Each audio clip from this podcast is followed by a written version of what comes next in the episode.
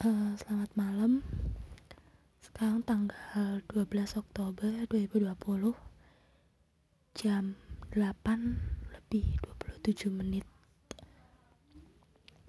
Uh, Barusan Barusan aku buka timeline Terus uh, muncul sebuah postingan Tentang um, data-data dari BPS tentang apakah menikah itu membuat kita bahagia dan Badan Pusat Statistika itu mengatakan bahwa mereka pada tahun 2017 bulan April mereka itu sudah mensurvei sekitar 70 ribu pasangan di Indonesia dari berbagai kalangan baik ekonomi menengah ke atas, menengah, menengah ke bawah.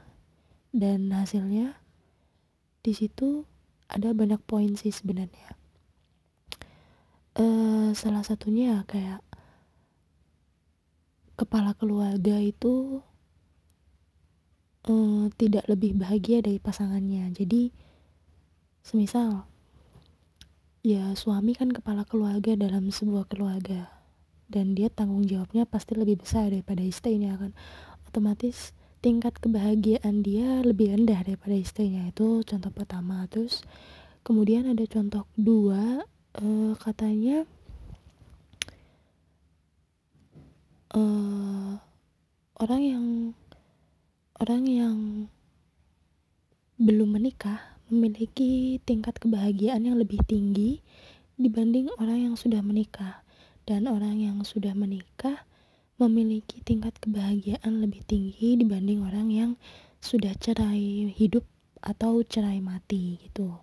Jadi kalau urutan kebahagiaannya paling atas itu yang paling bahagia, jadi orang yang belum menikah dulu, baru di bawahnya orang yang sudah menikah, baru orang yang di bawahnya lagi orang yang cerai hidup atau cerai mati. Itu salah satu datanya dari BPS tapi ada satu poin yang bikin aku mm, memicu aku untuk membacot seperti ini menurut data BPS eh, kepala keluarga yang bekerja itu lebih bahagia dibanding kepala keluarga yang menganggur terus pasangan kepala keluarga ya istri pasangan kepala keluarga yang menganggur itu lebih bahagia dibanding pasangan keluarga yang bekerja. Nah, berarti singkatnya cowok itu lebih bahagia kalau dia bekerja dan cewek itu lebih bahagia kalau dia nganggur itu. Itu. Dan ini yang memicu aku untuk membacot. Gini ya, menurutku hal itu nggak berlaku buat aku. Karena meskipun kita cewek,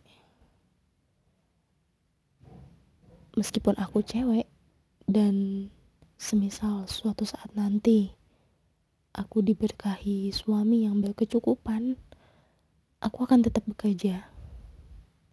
Terlepas aku bahagia atau enggak. Dan sebetulnya ya, kalau memang kita bekerja karena kita bahagia pekerjaan itu kita cintai, ya kita akan sama bahagianya dengan ibu-ibu rumah tangga gitu karena menurutku kalau kita mencintai pekerjaan cewek mencintai pekerjaan ya dia pasti sangat bahagia justru malah dia sangat bahagia bekerja gitu. Di rumah dia ya oke okay, ya biasa aja tapi di luar juga dia menemukan kebahagiaan dengan pekerjaannya itu. Jadi kalimat-kalimat itu tidak berlaku buat aku karena ketika keluar rumah kita menemukan kebahagiaan gitu. dan aku apa ya suatu saat nanti ya aku akan tetap bekerja dan menurutku perempuan memang harus bekerja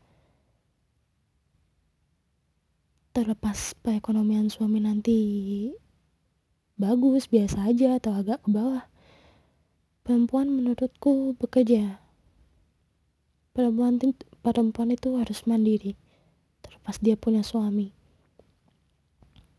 Karena apa karena sayang aja gitu menurutku ya. Sayang aja gitu kita lulus SMA kuliah. Kita lulus SMA kuliah. Menuntut ilmu segala macem ngeluarin uang kuliah kan bayar ya. Kemudian kita punya ilmunya kita tinggal mempraktikkan tinggal mengaplikasi apa yang sudah kita pelajari selama ini. Dan begitu kita nikah kita nggak bekerja. Alasannya karena udah ada suami yang nanggung. Enggak no no. Itu bukan gayaku sama sekali. Karena gini loh. Pada akhirnya yang kita punya hanyalah diri kita sendiri gitu. Pada akhirnya yang kita punya hanya diri kita sendiri gitu. Meskipun suami sudah bilang akan menjamin segala macam ya ya jangan sampai tapi siapa tahu siapa tahu di tengah jalan siapa tahu di tengah jalan dia bukan pasangan kita lagi semisal ada masalah atau semisal perekonomian suami di tengah jalan sedang memburuk cewek itu harus bekerja. Terlepas suaminya kaya sedang miskin bekerja. Karena nggak ada yang menjamin dia bakal jadi suami kita selamanya. Karena nggak ada yang bisa menjamin dia bakal kaya selamanya. Gak ada yang bisa menjamin perekonomian keluarga kita bakal tetap stabil selamanya. Dan kita sebagai cewek yang punya skill yang punya pengetahuan yang luas dan punya pekerjaan ya harus bekerja itu jadi kita menjadi backup jika suami nanti suatu saat uh, sedang terpuruk perekonomiannya. Dan kita juga pada akhirnya ya kita mengandalkan diri kita sendiri. Suatu saat ada kejadian, kita masih bisa nanggung biaya anak-anak kita pakai uang kita. Itu.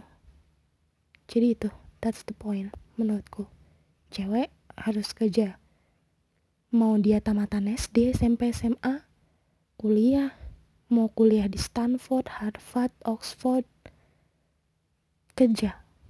Mau suaminya sekaya apa pun, mau suaminya berjanji apa pun, kerja. Ya gimana kalau semisal suaminya nggak ngizinin? Putar otak. Baga bagaimana caranya kamu tetap bisa menghasilkan duit dari rumah? Itu.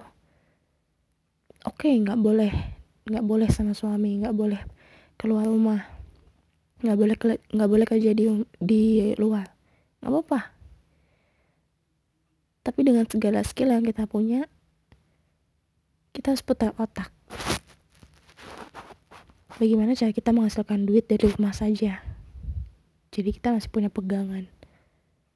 Ada pegangan untuk diri kita sendiri. Itu sih overthinkingku malam ini. Sebuah poin yang sangat sensitif menurutku ya. Karena nih ya pandangan setiap orang beda-beda. Ini menurut pendapatku gitu. Terima kasih. Selamat malam